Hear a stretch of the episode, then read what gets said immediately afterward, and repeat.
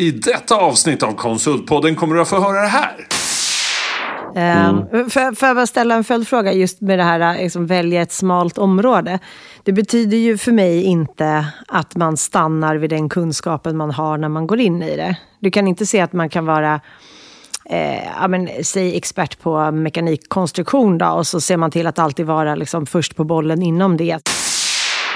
Men ni har också eh, tagit fasta på det här och, och skapat nya bolag i Berotech-koncernen, ja, säger man väl nu då? Det är så otroligt kul. Vill du berätta Håkan, eller ska jag göra det? Ja, nej, men jag kan försöka eh, eh, om jag får.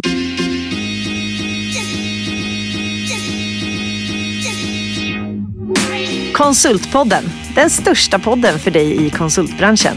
Med mig, Helena Torhage, Håkan Mild Svensson och Mattias Loxi. Bakom podden står Berotech och Synode.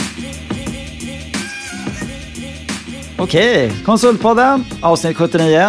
Vi är tillbaka, jag är tillbaka. Mm, trebarnspappan Mattias sitter här ja, bredvid mig, ja, Helena. Det känns uh, galet. Härligt. Vilken grej. Håkan har vi med oss från uh, sommarstugan. Ja. ja, precis. Ja, men härligt, det är ju sommaravslutning idag. Är... Ja. Men vi fick inte åka flak känner jag. Det är jag lite besviken. Nej, de här overallerna, är ni avundsjuka på dem också? Det verkar ju vara standard inte, numera. Inte overallerna. Jag har sett liksom, hela klasser stå och måla med spraycans i Humlegården och sånt. Det verkar de vara som tar studenten också? stor del av studentplaneringen. Mm. Jag tänkte att det var mer högskola med overaller. Men det kanske nej, nej, nej, det är allt öl som ska hällas på Ja, flaket. såklart. såklart. Mm. Ja, men det är, det är härligt. Nu är det riktigt sommar. Det är högvärme. Ja, Ja, skolavslutningen, skolavslutningen har varit igår. Idag har jag lämnat en dotter på kollobussen. Midsommar. Snart. Mm. Håkan ut och snickrar. Snickrar. Sommar, sommarjobbet. Ja, visst, mild skärgårdsservice. Får lite jobb här nu bara här ute. Så det är perfekt. Du har liksom flera gig. Ja. Du är en riktig giggare. En liten giggers. Ja, precis. Ja, men det är kul. Lagom många jobb så att man inte går sönder. Eh, men hörni, eh, ska vi summera en säsong igen, eller? Ja! Och, vi... och inte bara en säsong. Utan även det vi har fått lära oss under den här säsongen ja, i och med att vi har haft entreprenörsfrågetemat. Precis. Ja, vi precis. har ju haft ett tema i, i under året, mm. sedan januari. Hur bygger man ett framgångsrikt konsultbolag 2023? Och det vi tänkte göra är att vi, vi har haft ett antal avsnitt, ett antal gäster. Eh, så att om vi innan vi kanske hör vad, vad Håkan säger, facit på de här frågorna, frågan, så kanske vi ska höra vad våra gäster säger, eller? Ja, men vi ska med andra ord försöka sammanfatta vad gästerna har lärt oss under den här terminen. Och så ska ni få det som ett litet digitalt sommarpaket. Ja, och så ska vi höra vad, vad vi själva tycker kanske. Ja. Absolut. Och frågan är ju, hur bygger man ett framgångsrikt konsultbolag 2023? Mm, vad, är det, mm. vad är det marknaden behöver? Och sen hade vi en liten bifråga, för man måste ju definiera kanske framgång också. Den kan ju skilja sig Definitivt. Åt. Men eh, vi har haft ett antal väldigt spännande gäster skulle jag säga under våren. Och eh, först ut hade vi Dasil Hernandez. Ja, Dasil var ju här och ett eh, riktigt energiknippe som pratade om att ifrågasätta branschen och eh, en del om AI och så vidare. Men på just den här frågan, så hur man definierar framgång, då eh, pratade hon mycket om att, eh, att man, man får göra det man älskar att göra och att det finns en glädje och en passion i det man gör. Och jobbar man på det sättet så är man framgångsrik. Eh, men hur man bygger själva konsultbolaget, där är det att ha en målbild. Vad är det vi faktiskt ska jobba med? Man behöver avgränsa och fokusera på ett område. Och så ska man hitta personer som brinner för precis just det. Det är ju taken från Dasil. Ja, eh, låter ju vettigt. Ja, har ni några inputs på det? Ja, men jag tycker det låter helt rimligt. Eh, förstås att ha någon form av gemensam bild av vart man ska. Det gör, gör det ju betydligt enklare. Eh, sen kanske man inte alltid då kan jobba med det man älskar, men det är klart att i en, i en, i en drömvärld så råkar de två sammanfalla så blir det förmodligen jäkligt bra. Verkligen. Och sen hade vi Anders Barnås som driver Unicus och de jobbar ju med eh, autism. Får in eh, en, en, en, annan typ av kanske personer i konsultbranschen. Mm, som ju har startat en liksom, stark drivkraft hos honom att utveckla den här businessen för att det är eh, just det här högre syftet finns där. Och det är egentligen det som är hans svar på frågan också, att man behöver hitta ett varför. Finns det någonting mm. som är större än bara mer vinst? Eh, Anders var också lite inne på att när man är i en liksom, övre vad ska man kalla det för, en ålder där man faktiskt har jobbat ganska många år, så kanske man också tycker att det är ännu viktigare, så det är lättare att utveckla den typen av större affär på något sätt när man är där. Eh, vilket han var när han började. Och sen så behöver man ta ett beslut tidigt i den här processen och det är att bestämma om man är någon form av resursleverantör och liksom jobbar och säljer under mäklarna. Eller om man faktiskt kan bygga ett expertområde och ha liksom en specifik kompetens så att man kan gå direkt mot kunderna. Mm. Och det valet avgör ju ganska mycket hur man ska liksom sätta ihop både team av konsulter och ledare men också hur man eh, marknadsför och liksom säljer ja, sin affär såklart. Rekryteringen. Så att lägga tid på att göra det valet är väl egentligen hans råd. Mm. Men han sa inte vilket val som var bäst. Han sa bara Nej, jag tänker ju att det låter roligare att ha någon typ av spetskompetens. Ja, det tänker jag också. Yes.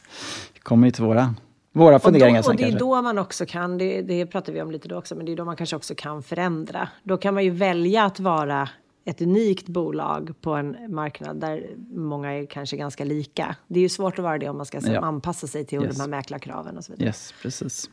Bra! Ja. Eh, vettiga personer vi har med.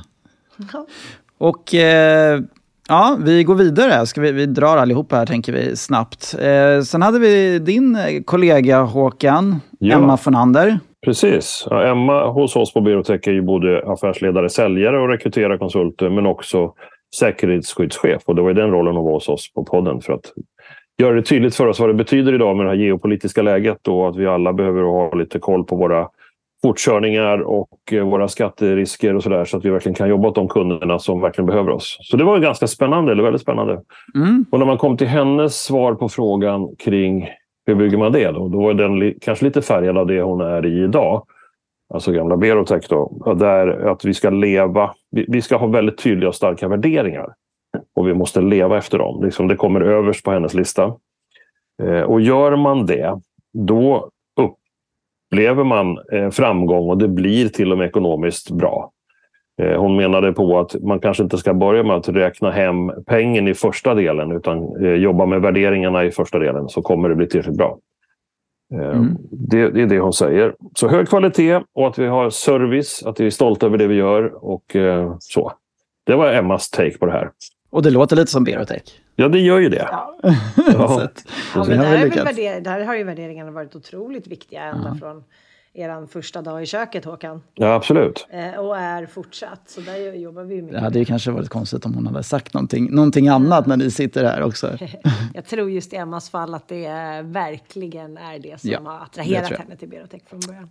Mm. Det hörde man. Hon brann för det. Och har man, har man värderingarna nära, nära sig och nära kroppen, då är det med hela hjärtat man jobbar. Och det är väl det som smittar av sig mm. hos kunder också, att det finns någon jävla härlig glädje i det som gör att de vill bara ha mer av oss. Så att det, ja, det är en, eh, värderingar och hjärta, tänker jag. Mm. Mm. Helt rätt. Och eh, sen hade vi Helena Hed från eh, P Teknik och arkitektur. Ja, hon är vd och koncernchef där. Och ja. eh, när man ställer frågan till henne så är det mycket kring den här värdeskapande cykeln. Att det ska liksom finnas ett... Det måste finnas en lönsamhet ganska tydligt i hennes, hennes tank. För att då kan hon skapa förutsättningar för att medarbetarna ska fortsätta utvecklas och verkligen trivas.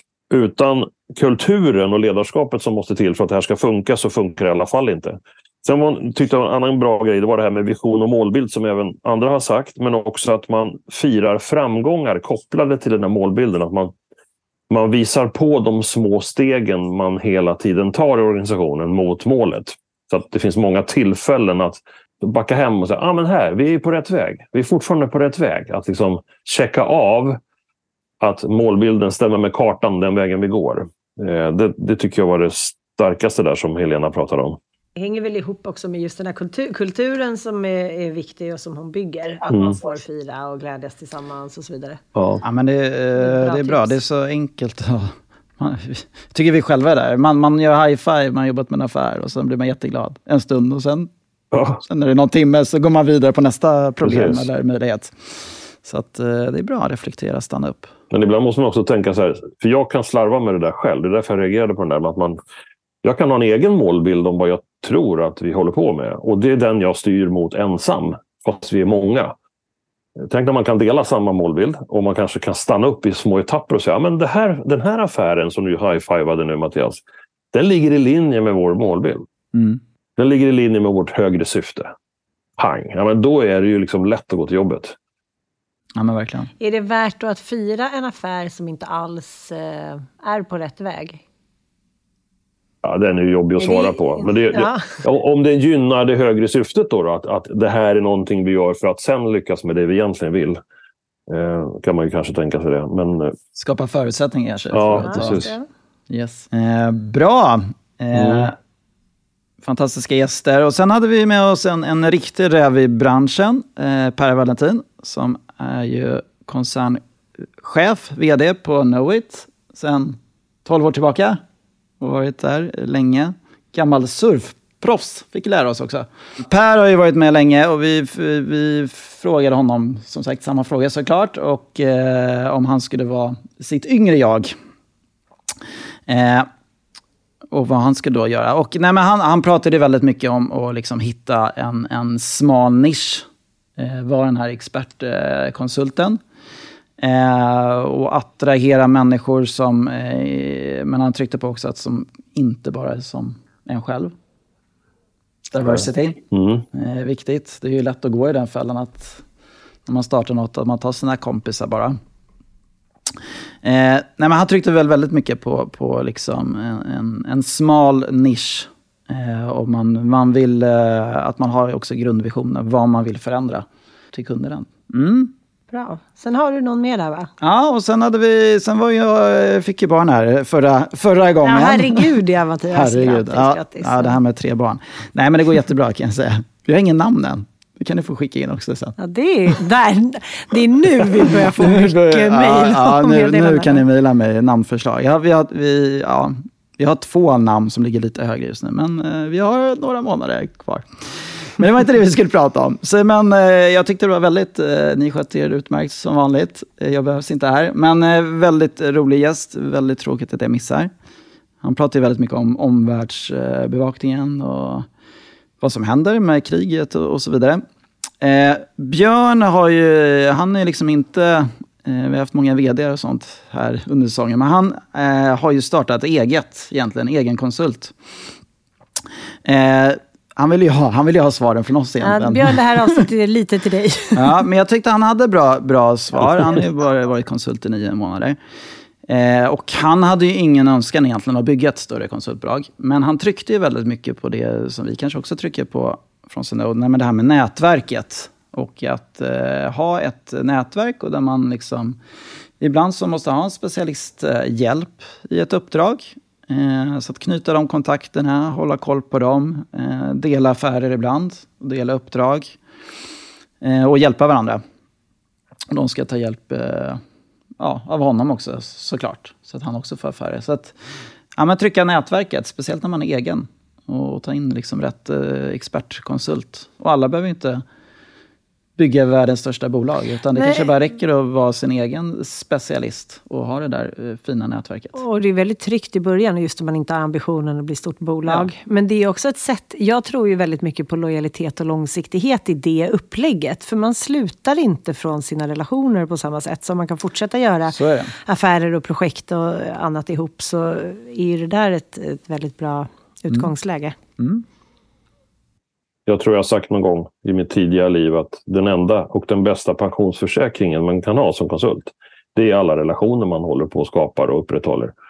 Spelar ingen roll hur mycket pengar du sätter i Folksam Mm. eller vad vi nu pratar om, så är det de, i de här mötena som, som då är det Björn egentligen har byggt hela sin lilla låda på genom att han känner hela det politiska sfären kring hans specialområden. Och då kommer man kunna hjälpa varandra i deras kunder och, deras analysarbete och sådär. Så att det, och det är väl så vi alla har gjort. Eh, Mm. Ja, vad säger vi om, om våra svar? Nej, men jag tycker det är bra. De har ju fokuserat på ganska olika områden. Ja. Det är jättepositivt. Jag tror att vi, eh, man vill ställa frågan till ännu fler personer för att se eh, vad det skulle kunna Men om bli jag, om jag ställer frågan till er då? Ja, Ska vi börja med, med dig Helena? Okej. Du är ju entreprenör och ja, hur, hur, ja, då ställer du frågan, vad är framgång kanske? ja, vad är framgång för Ja, dig? men det, där är jag ju ehm, ganska säker på att jag tycker inte att ett bolag är framgångsrikt om det bara tar hänsyn till det ekonomiska. Och så kanske det har sett ut tidigare. Men ehm, det går ju liksom att styra på något som heter triple bottom line också. Som är där man tar in liksom tre aspekter och ser dem som lika viktiga. Eh, och då är det profit, självklart kanske, men också planet och people. Och det, det är ju någon typ av hållbarhetsutgångsläge, men att, att människor mår bra, har passionen och liksom drivs och får vara de individerna de vill vara. Ehm, och att det är jämställt och så vidare. Men, men också att, man tar hän, att, att ens affär inte skadar eh, miljön runt omkring oss. För ofta så finns det ju i eh, i de flesta business så finns det ju någon form av negativ påverkan inom den delen i alla fall. Och då behöver man ju minimera den för att tycka att det, liksom en profit är eh, eh, Hälsosam hållbarhet. Ja, men, Ja. Att den är hållbar, Hållbar. men också liksom, eh, förtjänt på något sätt. Det är ju ganska lätt att sälja dåligt producerade, skitbilliga grejer och eh, strunta i det mesta förutom det. Men det ser jag inte som så framgångsrikt. Så People Planet Profit skulle jag hur vilja... tänker du i konsultbolag som ofta inte har så stor miljöpåverkan, själva konsultbolaget kanske? Nej, och då, då får man väl jobba ganska mycket mer Med kunderna, liksom, kunderna men kanske också sin egna liksom, personal, sina medarbetare. Eh, då kommer man in på både diversity som, Yes. som Per också pratade om, men det finns ju fler grejer som konsultbolag kan påverka inom. Och man har ju stor makt att eh, också hjälpa kunderna på traven inom alla de bitarna. Så att deras affär baseras på någonting mer än bara lönsamheten. Eh, sen tror jag ju väldigt, väldigt mycket på det här med att man behöver välja ett område. När man startar framförallt med liksom att bli bäst på en grej. Och det kan vara ganska smalt. Och när man har visat hur man gör det jobbet, då kan man ju eh, bygga vidare på det och bredda det erbjudandet. Men just att man vågar hålla sig inom en nisch från början. Alltså inte tacka ja till saker som ligger för långt utanför det. Extremt mycket lättare sagt än gjort. Ja, det är verkligen. Det är verkligen väldigt enkelt sagt, så, men det, är- det, så är det. Ja, men Ehm. eh, grymt. Ja, men där någonstans skulle jag vilja Ja. röra mig i den frågan. Sen att vara, liksom, att vara entreprenöriell i sitt sätt och hitta, liksom, hela Berotech är egentligen ett nätverk för de här frågorna. Det är, att hitta andra sådana också, liksom, där man får eh, ja, stilla sin nyfikenhet, men också ha personer som är superduktiga, alltså experter på olika områden, att fråga. Så bygga nätverket i det också, eller kanske vara med i många nätverk också, som bolag. Bra. Håkan, då, du har ju byggt redan ett framgångsrikt företag, Ja, det- konsultföretag. det- Ska, du göra, eh, ska, du, ska du göra exakt samma sak? Nej, precis. Från hur skulle Berotech se ut om det hade startats 2023? Om 20 år? Ja, jättespännande fråga. Ja, men jag är inte riktigt där på samma ställe som Helena till att börja med. Jag tror eh, genom att, om vi nu håller på med teknik, vilket många av oss gör i teknik eller i konsultbranschen, så är ju den så jävla snabb idag. Hur ska jag hinna välja rätt expertområde som kommer att vara dött om tre år? Alltså det känns lite för smalt för mig. Jag tror mer på generalistens roll. Ehm, men då blir man också väldigt otydlig på marknaden. Så det finns en baksida med det. Ehm, ska man bara sälja blåa bilar, då blir man jävligt bra på just blåa bilar. Men om, om tre år vill man bara ha röda bilar, då blir det lite stressigt för mig. Ehm, den andra delen som jag tror är viktigt är det här, alltså ett syfte. Varför går jag till jobbet och varför ska någon bry sig om det? Det, det är min klassiker. Jag tror att det, är det behöver man enas om. Och lärdomen, tror jag, från tidigare framgången är ju att, att ännu tydligare jobba med diversifiering. Alltså eh, att, att tillåta eller öppna upp för andra människors drivkrafter. Om alla, som jag, tycker vi ska ha så jävla mysigt på jobbet. Vi ska kramas, vi ska alla ska åka skidor och vi ska göra exakt samma sak och vi ska alla lyssna på soulmusik. Det är klart att första tre gångerna är det jävligt mysigt. Vi pratar om skidåkning och vi spelar soulmusik. Men vi liksom blir lite för lika. Jag tror att vi skulle unna oss att ha någon som driver på stenhårt på någon får prata pengar. Jag är inte jättebra på det. Någon annan får gärna se till att vi också blir ekonomiskt hållbara. Någon annan pratar miljö som Helena gör här. Fan vad skönt att någon orkar driva den frågan. Så kan jag prata fortsatt om skidåkning och soulmusik. Alltså när vi börjar kombinera flera människors drivkrafter så blir vi oemotståndliga, tror jag. det är en lärdom. Det skulle man ha jobbat mycket tidigare med, eh, tycker jag. Inte för att det har gått knas, men jag tycker att det skulle ha gynnat oss och våra kunder ännu mer. Eh, jag tycker... Ja, men det är nog det jag känner. Jag vill ha ett kulturdrivet företag med flera drivkrafter i. Det är egentligen det som är mitt svar, tror jag. Mm. Och framgång för mig är ju att, att kunderna vill ser oss som en av dem de alltid vill välja. Och att konsulterna är jävligt stolta och, och att flera vill vara med oss. Så att det är liksom både våra fans blir våra kunder och våra kunder blir våra fans. Det är som en drömsituation. Um, ja.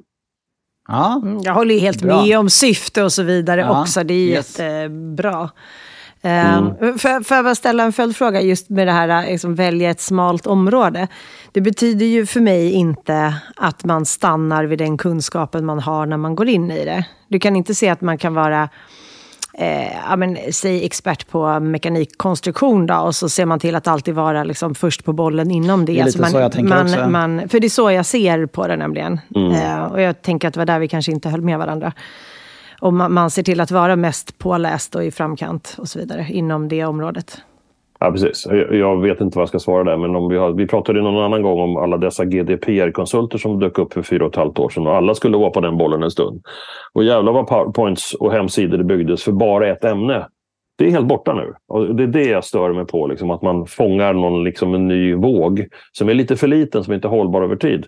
Jag menar, Berotech började med jävligt många mekanister tills vi fick in Åke Holmberg som sa Hör du, det finns något som heter inbördessystem också. Oj, Helt plötsligt har ju det vuxit upp och blivit mycket större. Så att det är klart att, eh, att vara nyfiken på det nya måste man också vara. Eh, men då kan vi inte vara ett mekanikkonsultgäng längre. Då, då är vi något annat.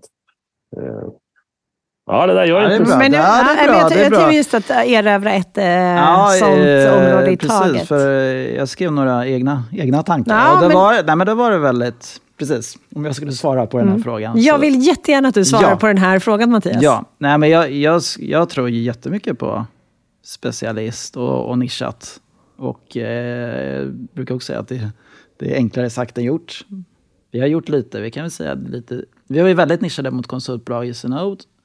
Nu gjorde vi lite bett förra året som inte har fallit så väl ut. Liksom, ta andra Just det. bolag och då går, och då, som inte då? Då går ni tillbaka moget. till... Nu vänder vi tillbaka ja, lite så att vi grunden. fokuserar. Nej, men jag tror verkligen nischa hårt och bli en eh, en thought leader, en toppexpert inom, inom det området. Eh, sen kanske man måste växa till nya, nya delar sen. Men det kan ju vara cyber security. Jag tycker så här, Anders Barnov var ju med, Unicus, liksom. de har ju så tydligt syfte och mm. liksom, målgrupp och allting. De har, de har hittat det där. Exakt, och de började ju bara med testkonsulter. Och ja, sen, sen har de, det, sen har de, de det. De är tydligt, precis. Ja, men jag tänker så just det är inte deras, deras nisch är kanske inte testkonsulter. Jag vet inte om det var från början. Kanske det var. Jag tror att det var det. Fast det är ändå autism. Liksom, ja, ja, nej, men precis. Och det var ju hos Ja, absolut. Och det kan vara cybersecurity. Det kan vara någonting annat. Eh, och jag är också minne det här, det har jag ju tjatat om när jag föreläst. Varför finns ditt konsultbolag? Mm. Eh, komma till den kärnan. Eh, sen eh, skulle jag också tycka att det var intressant att man inte kanske bara levererar timmar, utan att det, det finns någon... Det börjar komma lite de här ja, men standardiserade tjänster mm. eller automatisera. Viss leverans kanske är mycket mer standardiserad, mycket enklare. Det kanske är AI-drivet. Kanske någon eh, app eller produkt som hjälper i leveransen. Eh, så att man inte bara är fast i det här tim, tim, timträsket. Nej, det, det känns som att det har varit en diskussion kring det länge. Men du, du ser ändå att det händer något där? Jo, det händer, men det, det går nog för långsamt. Eh, kompetensutveckling som kärna eh, har jag skrivit. Ja, men jag tror mycket att liksom attrahera, vara ute och föreläsa, kanske ha utbildningar inom det området, om det är cybersecurity eller vad det kan vara. Eh, dela med sig av kunskap, tror vi mycket på. Eh, ja, det som ni varit inne på, jämställdhet och olikhet såklart. Också lättare sagt än gjort. Eh, och sen har jag kommit till livet där, där work-life balance är en, liksom en, en kanske en, en framgångsfaktor. Att man har, eh, ja, det, det är huvudsakligen att man, man mår bra. Det ska gå bra på jobbet, men det ska inte vara liksom... Du får inte ta över helt. Nej. Nej. Hur tror du yngre personer i branschen uppfattar det? Som viktigt eller som att det är helt omöjligt att uppnå så att man kör bara på? Nu är Tills bara min känsla av att, att det har sig. blivit mycket viktigare för de flesta än det var förut kanske. Förut var det bara karriär. det. Det. känns som att det är, jag vet inte, det kanske bara är min umgångskrets. Att, att man vill ha liksom, ja, både privat och få ihop hela livet. Och inte bara karriären. Precis, att vara bäst på livet som sagt. Bäst på livet, yes. Ta tillvara på livet. Ja, livet är mer än karriären också. En annan nisch, ett specialområde jag inte tog upp, det skulle kunna vara att man ska vara bäst på att vara konsult. Ja, kan det vara. Ja, men det, just när du säger det Håkan, det, då tänker jag ju på den verksamhet som Berotech faktiskt har startat, som handlar om att hjälpa de som inte har så mycket konsulterfarenhet att bli duktiga konsulter eh, ingenjörer i det här fallet. Det tror jag på väldigt mycket, att man liksom kommer in i det yrket som konsult. Jag håller med om det. Ja, det, det finns fortfarande massor att lära sig. Den här frågan är ju inte besvarad helt ännu, tänker jag. För vi driver ju, liksom, marknaden driver, nya önskemål kommer upp. Det här med life-work balance pratade man inte om för 15 år sedan, precis som vi alla inser. Um, nu kan vi unna oss det, tänker jag, för att vi är i en het värld. Alltså alla vill ha oss. Eh, Det är lite lättare att ställa de kraven då. Hade vi pratat med alla sjuksyrrorna på Danderyds sjukhus nu och pratat om life-work balance så hade vi haft en annan dialog. Alltså vi får komma ihåg var vi kommer ifrån och var vi är just nu, tänker jag. Verkligen. Ehm, eh, och, men för den sakens skull ska vi försöka unna oss och, och fånga det där goda. Men, men, men en stor del av respekt för alla andras yrkesgrupper tycker jag vi behöver också behålla. Ehm, för vi jobbar ju kanske i organisationer som konsulter där det slits för jävligt mycket hos kunden. I, i, i gruvorna, i, på arbetsgolven, i verkstäderna och ja, sådär. Så, man, så det, det gäller att liksom ta seden dit den kommer, eller hur säger man? Liksom, eh, ja, respektfullt. Såklart. Mm. Ja, vår, vår vd Christian brukar ju för övrigt eh, på ungefär det här temat säga att man ska också starta ett konsultbolag för kundernas skull. Att det har kunnat funnits en hel del prat om så här för varje konsult och varje individ och så vidare. Men nej, vad behöver kunderna? Och sen så vara där. Det, är, det, är en- det, är, det ska man Det inte är glömma. en väldigt bra det är en väldigt utgångspunkt bra. Den ska man inte glömma. Det är, Även om man lägger på alla ja. möjliga lager av andra Yes, saker. Det, det är för kunderna. Vi ska ju lösa någonting ja. åt kunderna. Precis. Men vad, vad tror ni då framåt? Vad kommer entreprenörskapet ha för eh, position? Går, vi mer åt att vilja driva eh, vårt egna arbetsliv på det sättet? Eller eh, hur, vad ser ni framåt? Jag vet inte. Jag, jag, jag är lite rädd att den världen vi nu möter och är i, snuddar vid nära oss skapa mer oro än det har gjort. Vi har ju levt i 200 år i Sverige utan ett enda krig. Vi har haft förmågan att liksom glida runt i den här geopolitiska världen som Björn pratade om förra gången och ändå liksom klarat oss. Vi har kunnat unna oss att skapa skolor, boende, utbildningar. Alltså ganska lugn format eh, där vi har fått unna oss att vara kreatörer. Vi har fått starta bolag. Sverige är det mest vänliga land att göra det i. Det är nästan omöjligt att, att inte lyckas. Eh, eh, råkar man ha tänkt fel eller glömde bort kunderna till exempel, ja, men då kan man gå tillbaka till ett vanligt jobb igen. Och så finns det ett ganska mycket stort stödsystem som gör att det är okej. Eh, om vi fortsätter den resan som vi är på väg åt nu så är det ju lite tuffare läge, tänker jag. Jag tror många kommer vara lite mer försiktiga med att gasa och hoppa på nya grejer. Eh, Det kan hämma vår entreprenörsambition. Eh, den finns kvar, men den, den hämmas av rädslor och ekonomiska eh, situationen och kriget. Alltså, jag är lite rädd att vi kommer liksom krympa ihop den här stora liksom, svenska undret som vi har haft under de sista 25, 30, 40 åren. Eh, Vi var ju jättestarka redan för 100 år sedan med de här stora starka industriföretagen och det drevs ju väldigt mycket av att vi slapp kriget och vi kunde hjälpa alla andra att återbygga sina världar.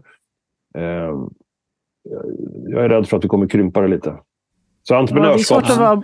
förlåt, entreprenörskapet behöver vi liksom, vi måste prata mer om det för att det är där de nya möjligheterna uppstår. Det är där de nya bolagen skapas. Det är där de nya arbetstillfällena kommer. Det är där de nya skatteintäkterna kommer. Kanske värna det på ett annat sätt med andra ord. För det är svårt att vara både altruistisk och innovativ och allt det där om man inte har allt det andra man behöver. Precis. Det är det du säger egentligen. Man kan ju se det, jag har inte siffrorna för 2023, men under 2022 så startades det 7% färre bolag än året innan. Right. Det är ju säkert pandemiförknippat också. Men, mm. men det är ju, eh, det säger kanske någonting om trenden. Men du, du har en bra poäng och liksom, du vrider tillbaka klockan. Jag tycker också mm. att det är bra. Vi hade en, eh, precis, mycket stora företag för hundra år sedan. Och sen, sen, sen var det ju... Folk såg inte på företag och entreprenörer så bra. För en, eh, men det vände ju för 20-25 år sedan. Mm. Nu har ju entreprenörerna haft en uppåtsving och varit idoler. Och, ja, du vet, Daniel Ek, Spotify och, och så vidare. Men som du säger Håkan, vi kanske börjar tappa det där nu. nu eh, ja. När man pratar entreprenörskap pratar man ju om någon som även ändå tar risk. Precis. Ja, och det är väl det vi, och det pratade ni om förra avsnittet, det är det mycket det handlar om, att minimera risker nu. Visst är det så. Du, ja, precis. Då blir det mindre entreprenörskap. Ja, det blir mindre av det där fria och kreativa. Jag kan också, um, tänka, jag kan också tänka mig att, att, att, människor i andra länder som har varit och är väldigt utsatta kommer från en plattform som är okej, okay, om jag inte gör något nu, då blir det inte alls mycket bättre. Så det finns ju en drivkraft i att ta sig ur en situation för att skapa någonting som är större än de själva. Och det tror jag vi inte tänker så i Sverige, för vi har det alldeles för bra. Uh, men, ja, precis. Vi har inte krisläget som Nej. skapar det där extra. Um, entreprenörskapet i Sverige är väldigt mansdominerat som det är just nu. Men jag läste en spaning i alla fall som jag kan tycka är ganska intressant. Att det är nämligen fler mammor än pappor som startar företag. Jaha. Och, eh, och man kan då tro att det kommer komma mer av från välbetalda mammor. Just för att om man är, om man ska gå på mycket föräldraledighet och vabba och så vidare, ta hand om barn under många år, så har man ju ganska eh, stor negativ löneutveckling versus vad mannen har. Och då för att liksom komma förbi det, så kanske man väljer att köra eget i någon form, eller bygga ett större bolag i någon mm. form tycker det är en intressant... Eh, för, för det är också så att liksom, man kan tänka att så, entreprenörerna är 20 år och så framgångsrika och vet så mycket. Men det är ju inte där de bästa bolagen byggs, utan det är ju någon gång efter 40 man klarar av att göra det och har den erfarenheten också. Mm. Men eh, hörni, vi ska ju prata mer om entreprenörskap. Vi tänkte ju att det skulle vara lite höstens tema. Ja. Det hänger ihop lite med vårens tema. Ja. Men ni kan väl bara berätta lite, ni har ju i Berotech också, så har ju ni, ni entreprenörer och ni egna och så vidare. Men ni har också eh, tagit fasta på det här och, och skapat nya bolag i Berotech-koncernen, ja, säger man väl nu då? Det är så otroligt kul. Vill du berätta Håkan, eller ska jag göra det? Ja, nej, men jag kan försöka, eh, eh, om jag får. Det, alltså, det är ju det. Vi kände ju, Helena och jag med flera har ju stått på alla möjliga ställen och pratat om att starta eget med oss. Alltså, vi har ju pratat entreprenörskap, men det har liksom fastnat i, och det är inte alls fel, att vi har haft förmånen att hjälpa människor att våga kliva av ekorrhjulet och göra någonting annorlunda med sitt liv och sin karriär och, bli, och starta eget. Och så hänger man med oss. Nu bestämde vi oss för ett tag sedan ja, men hallå, varför ska det bara vara enmansföretagare? Kan vi, liksom inte, kan vi inte ta nästa växel? Kan vi, inte, kan vi inte prata entreprenörskap, bygga bolag tillsammans istället? Och, och det har ju tagit skruv nu. Då. Så har vi startat ett affärsområde som heter Accelerate. Ett sätt att hjälpa hjälpa andra entreprenörer igång snabbare än de skulle klara sig själva. Man får tillgång till hela vårt nätverk av kunder, man får en hjälp med vårt know-how och vår erfarenhet sedan många år tillbaka. Men man får fortsätta vara entreprenör. Så att eh, de här bolagen som startas ägs ju till väldigt stor del av de som gör det och driver det. Och vi går in med vårt varumärke och vår kunskap och äger en liten, liten del med målsättningen att vi ska hjälpa dem igång att bli så otroligt framgångsrika det går. Och vara framgångsrika då är exakt det som Helena och vi nyss har pratat om. Det ska vara hållbart och det ska vara balanserat och det ska vara kunderna ska älska oss. Och så, så det är ganska skön add-on på det vi alltid har gjort. Så nu får man gå ut på liksom barrikaden igen och prata, inte bara starta eget med oss, utan bygg bolag med oss. Så nu letar vi unga eh, gärna entreprenörer som drivs av någonting som de liksom bara mm, ett syfte som är högre än något annat, gärna inom teknikområdet, för det passar våra kundstrukturer redan idag. Jättespännande. Vi har två bolag igång nu. Det är skitspännande. Ehm, Precis, Kul. och de bolagen, kanske jag bara tillägger det, de, de eh, driver ju sin verksamhet under sitt egna varumärke.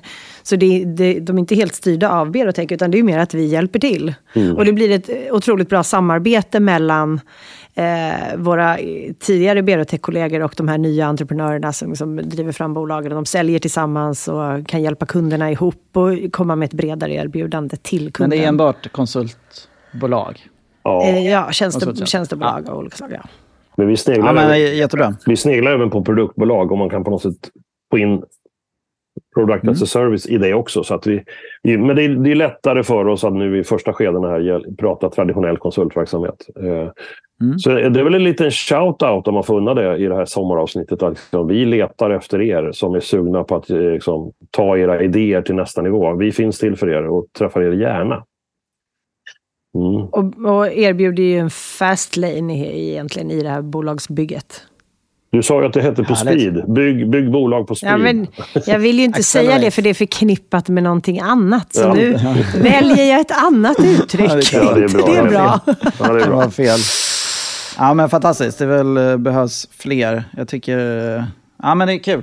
Kul att det ni gör den satsningen. Det, är det finns jätte... andra konsultbolag, många andra som gör ja, men, men jag tycker det är kul och det är, det är väl ett jättebra sätt att testa vingen och köra ja. med ett annat ja, men och Det fångar också. Det är ju de som har varit på Berotech eh, liksom i mm. den tidigare verksamheten. Eller så, där har det ju funnits just det här eh, entreprenörskapet och vilja att ta nästa kliv och så vidare. Det blir liksom ett sätt att fortsätta jobba tillsammans. Men man kan bara mm. utvecklas olika. Perfekt. Ja. Så det blir höstens tema. Vi kommer väl djupdyka mer i Ja, och titta lite på hur andra konsultbolag gör. Kanske ja. inte en likadan resa som vi gör, men någonting annat. Titta på personer som har byggt eh, bolagen, liksom, på vad som finns i entreprenörsdrivet och kraften och hur, hur man har gjort det.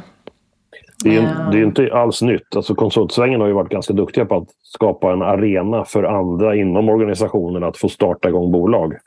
Eh, så vi kan säkert lära oss en del av våra härliga kollegor i branschen om hur de har tänkt och byggt sina bolagsbildningar. Och så kan vi komma in med våran eh, liksom, test, mm. vi kör just nu och, och berätta hur det går. Så det, jag hoppas att det blir många som lyssnar på det. För det, det, det, finns ju en entreprenör i oss alla, tänker jag. Det är bara att den ibland är hämmad av rädslor eller, eller krav från andra. och Så, här. så att Vi vill locka fram det där lite grann. Hoppas att det kan bli en del ja. av temat. Verkligen. Mm. Ja, där ser vi framåt. Vi eh, ska väl hitta några riktigt bra gäster också. Mm. Jättebra. Tips tar vi också gärna emot. Tips. Du, jag tänkte ta upp en, an, en annan sak som var lite debatt i vår lilla, lilla, lilla bubbla, ja, Synod-bubblan. Eh, ni vet, vi, vi har ju pratat länge om, om långa betalningstider från kunderna. Håkan, ni har säkert drabbats ja. av kunder som har väldigt långa betalningstider. Och det är också en, en hämmande när man ska skapa ett nytt konsultföretag. Yep. Du anställer, de har, får lön kanske innevarande månad. De gör ett, ett jobb som faktureras och sen får ni betalt kanske tre, fyra månader. Lägg till, Mattias, lägg till där. Första månaden de är anställda så kanske de inte ens kommer ut på uppdrag utan det dröjer en och en halv månad till första uppdraget yes. kommer. Så det är sex, sju månaders släp till första faktureringen eh, exekveras i pengar. Det är mm. skitjobbigt. Det är galet. Mm. Eh, och, nej men, eh, och det som kom upp med det här, jag, jag kan dra lite bakgrund också. För att det, det finns ju något som heter räntelagen. Mm. Och där finns det faktiskt där finns det ju, eh, rekommendationer, eller det är en lag att man ska... Det ska vara max 30 dagar faktureringstid, men det är inte bindande.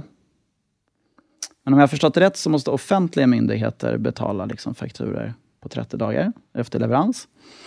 Eh, men det är inte bindande. Och det här var ju uppe eh, rätt mycket för några år sedan.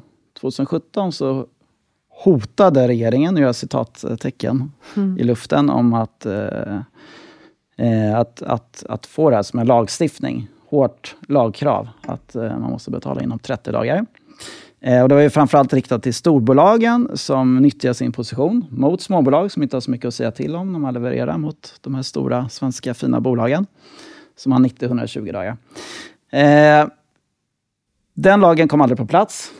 Eh, men storbolagen gick ihop och sa att de skulle, liksom, de gjorde ett, ett mjuk, mjuk överenskommelse om att det här skulle liksom försvinna mot småbolag. Eh, det kanske har försvunnit en del, det, jag vet inte riktigt. Eh, men det är fortfarande långa betalningstider. Eh, vet du hur det ser ut nu hos er, Håkan? Ja, jag vet inte dagsläget, men, men problemet finns ju där. Eh, och då, Ja. då, då kan man i det korta perspektivet säga till kunden att okej, vi kan, vi, eller jag kan dra en anekdot. En gammal kollega på, på Virotech sa det här för 8, 12, 15 år sedan när en av våra kunder sa vi vill att ni ska ha 60 dagar eller 90. Och då bara reste sig den här killen på sig och sa vi, vår core business, bara så ni vet, det är att sälja konsulttjänster. Och ni är jätteduktiga på att köpa tjänster, men ingen av oss ska leka bank. Och så gick han därifrån. Det var, liksom, Yes. det, var, det, det var så man lyckades göra det den gången. Men vi märker ju då, då, då kanske vi kan ta ett par procent extra per arvode eh, första gången det händer för att liksom kompensera.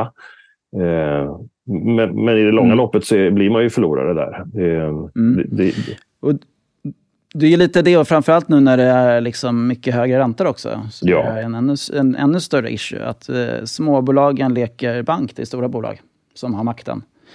Eh, och varför det här kommer upp ta lite. Det, eh, vi har ju eh, ett antal större mäklare. Nu brukar inte jag hänga ut eh, mäklare, men vi, det, det kom upp lite här. Ework, vår största mäklare. Då kan man ju tycka lite att kanske att Ework med sin storlek kan sätta press på storbolagen kanske i sina avtal mot oss. Men tyvärr så blir det kanske tvärtom. Eh, så att vi hade Simon Arvidsson här från Eh, Davis Development som uppmärksammar det här. Så de har en tjänst som heter PayExpress. Eh, som, det finns ju andra typer av, av tjänster eh, där man får betalt direkt när man fakturerar. Mot en avgift och eh, det är jättebra att det finns sådana tjänster. Eh, men det de har gjort nu det är att de har satt det som standard att få betalt inom några dagar, tre dagar. Eh, men det är ju inte gratis där. Och eh, läser man på liksom finstilta och eh, liksom räknar ut på de här avgifterna så tar de upp till 18 procent ränta för att man får betalt direkt. Och det känns som att det är, det är fel väg att gå när vi borde tillsammans egentligen lösa grundproblemet. Vi ska få betalt inom 30 dagar. Eh, och inte att vi ska tjäna pengar på varandra för att vi inte når den överenskommelsen. Så att jag, ska, jag ska, tänkte jag ska driva lite det här också och Det kartlägga tycker jag är lite. jätterätt fråga att eh, eh, driva. Det är de mindre som blir drabbade och vi vill ju Ja. ha mer av dem som vågar vara. Yes, där. jag har fått eh, väldigt mycket meddelande och, och så vidare. Så jag tänkte och prata bland annat med Anders Barno som har drivit det här frågan förut och han tyckte verkligen att vi ska driva det här. mm. Eh, så första steget det är väl lite kanske kartlägga hur det verkligen ser ut också. Eh, jag kommer kanske gå ut i, i någonting, men eh, skicka anonymt. Eh, jag kommer inte outa någon. Hur långa betalningstider har ni? Och vilka kunder, om ni vill. Så kanske vi kan eh, driva det här lite. det blir jättebra. Och förändra. Precis så där förändrar man. Bra. Förändra branschen. Ja. Vi får se. Men eh, ja, det är verkligen något som eh, känns som att det, det har legat länge och pyrt. Ja, och det men, eh, skaver här ganska skaver. mycket och bara När vi pratar entreprenörskap också. Så. Ja, det är svår. svår. Det är en svår fråga, alltså, förstås. Och det, eh, de bolagen som gör så här nu får ju liksom en ganska schysst marknadsposition i det korta perspektivet där man på sätt erbjuder någonting som den andra lilla firman inte kan göra och kan då locka till sig konsulter. Men om man sen räknar som du gör så att det blir 18 procent, det låter ju som ett sms-lån. Om, du nu är, Ja. om du har räknat rätt, det låter helt galet. Det ja. låter lite som sms-lån. Det, men det de gör lite fult nu, det är att de har det som ett standard. Du kan ta bort det, men då får du säga till. Och Mm. jag tror inte att alla enmanskonsulter etc. förstår hur mycket de betalar för att få pengarna direkt. Heller. Nej. Nej, det låter ju som att kommunikationen inte är helt tydlig. Nej. Men det, det där tycker jag också låter som ett case för den här äh, att jag tycker man ska titta på både people och planet och så vidare. Det där är ju titta på profit bara och inte på people överhuvudtaget. precis. Det trycker ju neråt på ett Yes. ganska oschysst sätt. Och för mig så bör det ju skapa en, eh, en ganska låg bild av hela varumärket. Så att, Ja, det, det tror jag. Så att det, ja, konsultbranschen är ju lite, den är ju inte alltid jättebra. Nej, inte helt med schysst. olika led och, och så vidare. Så att det, det finns ju mycket att vi, vi kan göra i vår bransch också. Mm. Mm. Ja, det kanske Konsultpodden får en liten nytt, nytt ansikte här nu. Att vi liksom tar ställning och vill hjälpa dem. Ja. Ja, men det är väl bra. Det Ja. jättebra med Det lite... går väl hand i hand. Vi får hoppas vi får hand en i hand liten, med ett eh, entreprenörstema. Ja, vi följer upp det. Precis. Se om vi jättebra. kommer någon, någon vart Ja. under sommaren. Mycket bra. Men det, och det jobbar du med under sommaren, eller lämnar du den jag, frågan lite grann? Ja, nej, men jag tänkte jag ska driva den lite så får vi se hur, hur mycket det tar skruv. Kanske kan få någon journalist att skriva om det. Det tror jag definitivt. Eh, bra, men... eh, Ska ja, vi önska våra kära lyssnare glad sommar? Ja, Ja, vad det tror tycker vi? jag. Är det något, något speciellt annars? Nej, jag. Jag vill bara säga att det är skitkul att tidningen Chef outar att vi finns. Det måste finnas fler branschtidningar som vet att vi finns. Kan inte de också skriva om oss? jag bara tyckte det var lite roligt att Ja, men när ni ändå kul. ligger i hängmattan i sommar så lyssna på poddarna från Konsultpodden. Det tycker jag är lite fint. Perfekt. Mm. Kul! Ja, men verkligen roligt. Tack snälla ni båda för hela det här eh, halvåret. Jättehärligt att vara med er. Vad mycket vi har lärt oss igen. Ja, Ja. och vi är tillbaka i höst. Absolut. Tre, Ja. tre barn här under sommaren.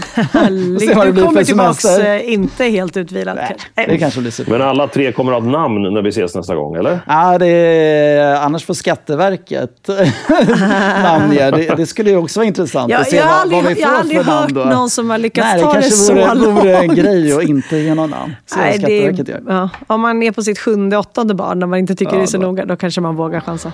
Ja. Okej, Ja, hörni. Ha en härlig sommar nu. Glad sommar! Glad sommar! Hej, hej, hej.